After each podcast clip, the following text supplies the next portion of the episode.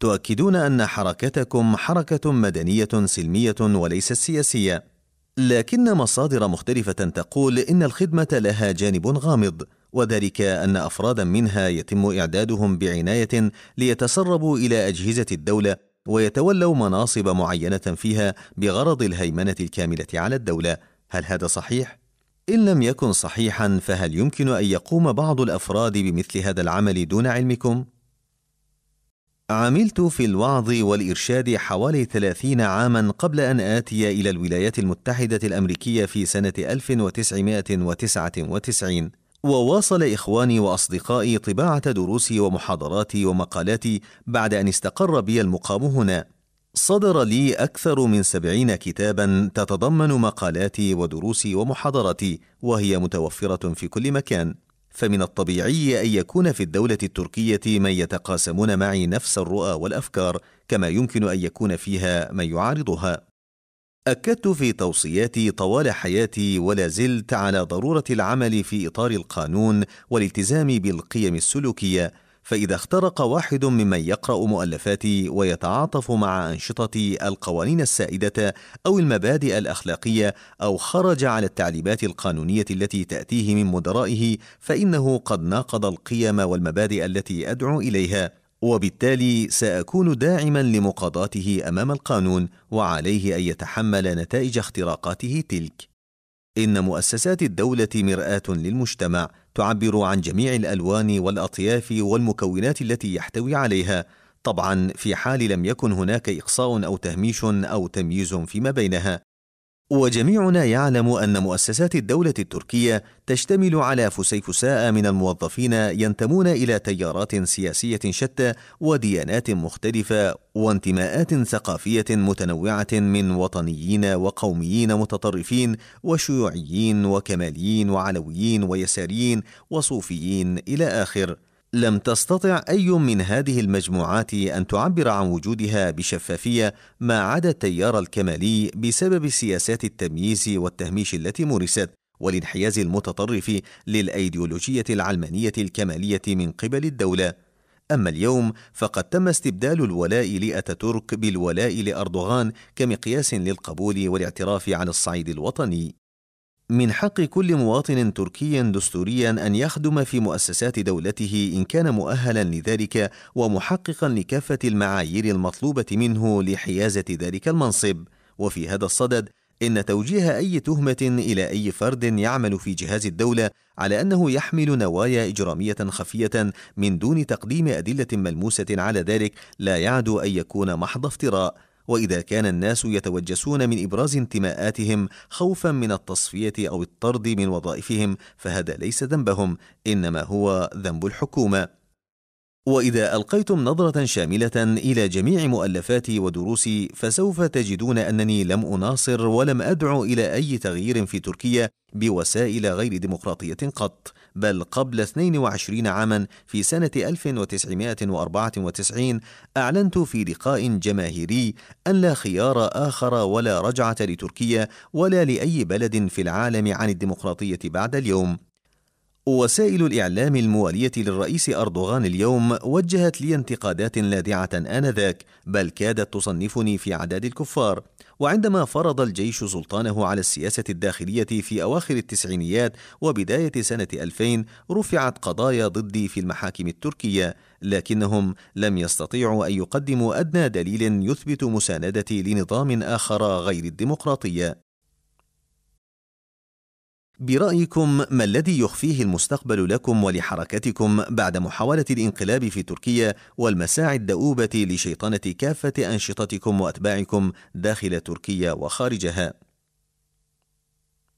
يبدو أن أردوغان قد عقد العزم على أن يدمر جميع المؤسسات التي أقامها أبناء الخدمة وأن يمنع أي محاولة لإقامة أي مؤسسة جديدة وبالتأكيد هذا السلوك مناقض للدستور التركي من الأساس كما أنه مناقض لكافة الاتفاقيات الدولية التي وقعت تركيا عليها والتزمت بمقتضياتها وكانت جزءا منها. ومن ثم ما لم يتحمل قادة العالم المسؤولية ويظهر مواقف حاسمة ويتخذ تدابير حاسمة إزاء مطاردة الساحرات فليس هناك أي عامل داخلي في تركيا يمكنه أن يوقف الرئيس عن تجاوزاته. لقد دافع إخواننا وأصدقاؤنا عن حقوقهم حتى اليوم عبر الطرق السلمية وفي قاعات المحاكم.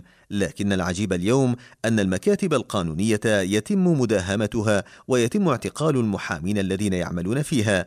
ما يحصل اليوم هو أن الناس يحرمون من حقهم في الدفاع المشروع عن أنفسهم في قاعات المحاكم. حكومة أردوغان تبذل كل ما في وسعها لدفع هؤلاء الناس إلى العنف. لكنهم اعتصموا بالصبر الجميل حتى اليوم وأنا واثق من أنهم لن يحيدوا عن هذا السلوك ابدا. من جانب آخر اضطر بعض أبناء الخدمة إلى أن يغادروا بلدهم إلى بلدان أخرى بحثا عن فرص جديدة للعمل والاستثمار والمعيشة الآمنة بسبب الضغوطات التي يتعرضون لها في تركيا.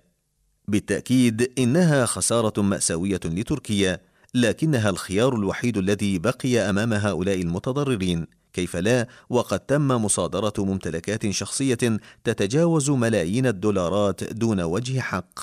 رجائي ودعائي ألا تستمر حالة الجنون هذه طويلا. إن اتخذت الولايات المتحدة الأمريكية قرارا بترحيلكم إلى تركيا فكيف سيكون موقفكم من هذا القرار؟ الولايات المتحدة الأمريكية لها تاريخ طويل في الحفاظ على المبادئ القانونية واحترام الحريات وحقوق الإنسان، وهو ما مكنها من أن تحظى بمكانة وسمعة طيبة على مستوى العالم. لا أظن أنهم سيتخلون عن هذا التقليد ويهدمون تلك السمعة الطيبة ببساطة لأن السيد أردوغان يضغط عليهم في هذا الموضوع بإلحاح. إنني أستبعد ذلك ولكن إن تم اتخاذ قرار ترحيلي بدوافع سياسية بحتة سبق أن أعلنت مسبقا وقلت إنه لا حاجة وقتها للضغط علي للخروج من هنا بل سأشتري تذكرتي بنفسي وأرحل إلى بلدي دون أي تردد. أنا لست قلقا بشأني إنما أنا خائف من أن تعرض ضغوطات السيد أردوغان علاقات تركيا مع الولايات المتحدة وحلف الناتو إلى خطر. لأن كل من الولايات المتحدة وحلف الناتو لعب دورا هاما في تحول تركيا من نظام حكم الحزب الواحد إلى نظام ديمقراطي غير مكتمل فإذا انهارت علاقات تركيا مع الولايات المتحدة وحلف الناتو فأعتقد أن ذلك لا ينفع الديمقراطية في تركيا بأي شكل من الأشكال. هل صحيح أنك والرئيس أردوغان كنتما حليفين في يوم من الأيام؟ إن كان ذلك صحيحا فما هي الأسباب التي أدت إلى توتر العلاقات بينكما حتى بلغت الأوضاع إلى ما نحن عليه اليوم؟ كثير من المراقبين يسمون العلاقة التي كانت بيننا تحالفا، لكن الحقيقة أننا لم نكن قريبين إلى بعضنا إلى حد التحالف أبدا. لقد التقيت به مرتين أو ثلاث مرات وكلها كانت قبل أن يخوض أي انتخاب برلماني. وعندما خاض حزبه الانتخابات كنت هنا أصلا في أمريكا ولم أتمكن من التصويت ابدا ولكن الجماهير المتعاطفة مع الخدمة ساندوا حزبه عبر أصواتهم وعبر وسائلهم الإعلامية. إنكم إذا تحريتم عن أسباب هذه المساندة فإنها ليست معقدة.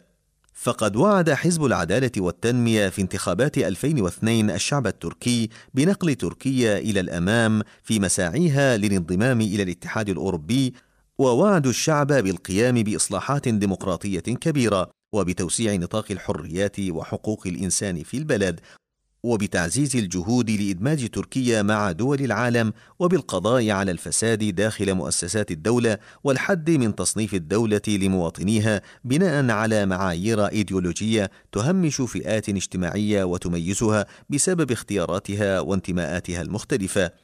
العبد الضعيف وأصدقائي ساندوهم بناء على تلك الوعود التي قطعوها على أنفسهم أمام الشعب وعندما خاضوا انتخابات 2011 وعدوا الناس بإطلاق دستور يعده مدنيون دون أي خوف من جنرالات الجيش ولكن لم يكادوا يفوزون بالانتخابات حتى بدأوا يهدمون كل إصلاح ديمقراطي حققوه من قبل. في البداية اشترطوا أن يكون منصب رئاسة الجمهورية في الدستور الديمقراطي المرتقب إجرائيا وليس رمزيا، ولم يلبثوا أن نحوا فكرة الدستور جانبا حتى صارت في طي النسيان بالكامل. الحقيقة أنني كنت في يوم من الأيام من الداعمين لفكرة النظام الرئاسي، ولكن بشرط أن يكون على غرار النموذج الرئاسي الذي تطبقه أمريكا وفرنسا وبلدان أخرى حيث يمكن مراقبة الرئيس ومحاسبته لكن النظام الرئاسي الذي يريده السيد أردوغان أقرب ما يكون إلى نظام الرجل الواحد الذي يمتلك جميع الصلاحيات من دون أي مراقبة أو محاسبة. بطبيعة الحال لا يمكنني أن أدعم نظاما فاشيا كهذا بقلب بارد. السيد أردوغان مارس علي شخصيا وعلى محب الخدمة ضغوطا شديدة لكي يساندوا مقترحه الرئاسي بصورة جماعية ودون أي اعتراض أو نقد. وعندما لم يتم له ما أراد رفع من حجم الضغوطات فأطلق مؤسسات بديلة لمؤسسات الخدمة مدعومة بأموال حكومية وعندما لم يحقق ذلك أهدافه أخذ يهدد مؤسسات الخدمة بالعمل على إغلاقها. لو أننا رضخنا لضغوطاته وقدمنا له بيعتنا لكنا من أكبر المستفيدين من أعطيات وهبات الحكومة التركية اليوم. لكننا رفضنا كل ذلك فأخذ يصب علينا جام غضبه منذ ثلاث سنوات. يمكننا القول باختصار إننا ندفع ثمن الاستقلال والحرية. إنه ثمن باهظ في الحقيقة لكنني لست نادما مطلقا ولا أعتقد أن يكون أحد من أصدقائي وإخواني نادمين كذلك. ما يحزنني شيء وحيد وهو أن وطني صار مسرحا للمآسي والآلام بسبب غياب رجال حقيقيين يكبحون جماح طموحات هؤلاء المستبدين. لو أتيح لك فرصة التحدث إلى الرئيس التركي أردوغان والرئيس الأمريكي باراك أوباما الآن ما الذي تريد أن تقوله لهما؟ لا أعتقد أن أردوغان سيعير اهتماما لما سأقول له. حاولت في السابق مرارا أن أوصل صوتي إليهم عبر خطابات أرسلتها لهم. حاولت من خلالها أن أشرح لهم إلى أي مدى وصل تصنيف الحكومة للناس وتمييزهم على أساس انتماءاتهم الثقافية والدينية والإيديولوجية. وخطابات أخرى قدمت فيها مقترحات عملية لحل أزمة المواطنين الأكراد. لكن لم يأخذوا أي من هذه التوصيات على محمل الجد. اليوم أدعو الله فقط أن يهديهم إلى الرشد حتى لا يعرضوا مستقبل هذه الأمة العظيمة لمخاطر وخيمة لا يمكن تلافيها. من جانب آخر إنني أرى من هنا الجهود التي يبذلها الرئيس أوباما للحفاظ على العلاقات مع تركيا رغم التحديات التي يواجهها في التعامل مع زعيم سلطوي. العلاقات التركية الأمريكية في غاية الأهمية بالنسبة للبلدين لكنها حيوية بالنسبة لتركيا. وإنني حزين جدا أن أرى هذه العلاقة تتدهور.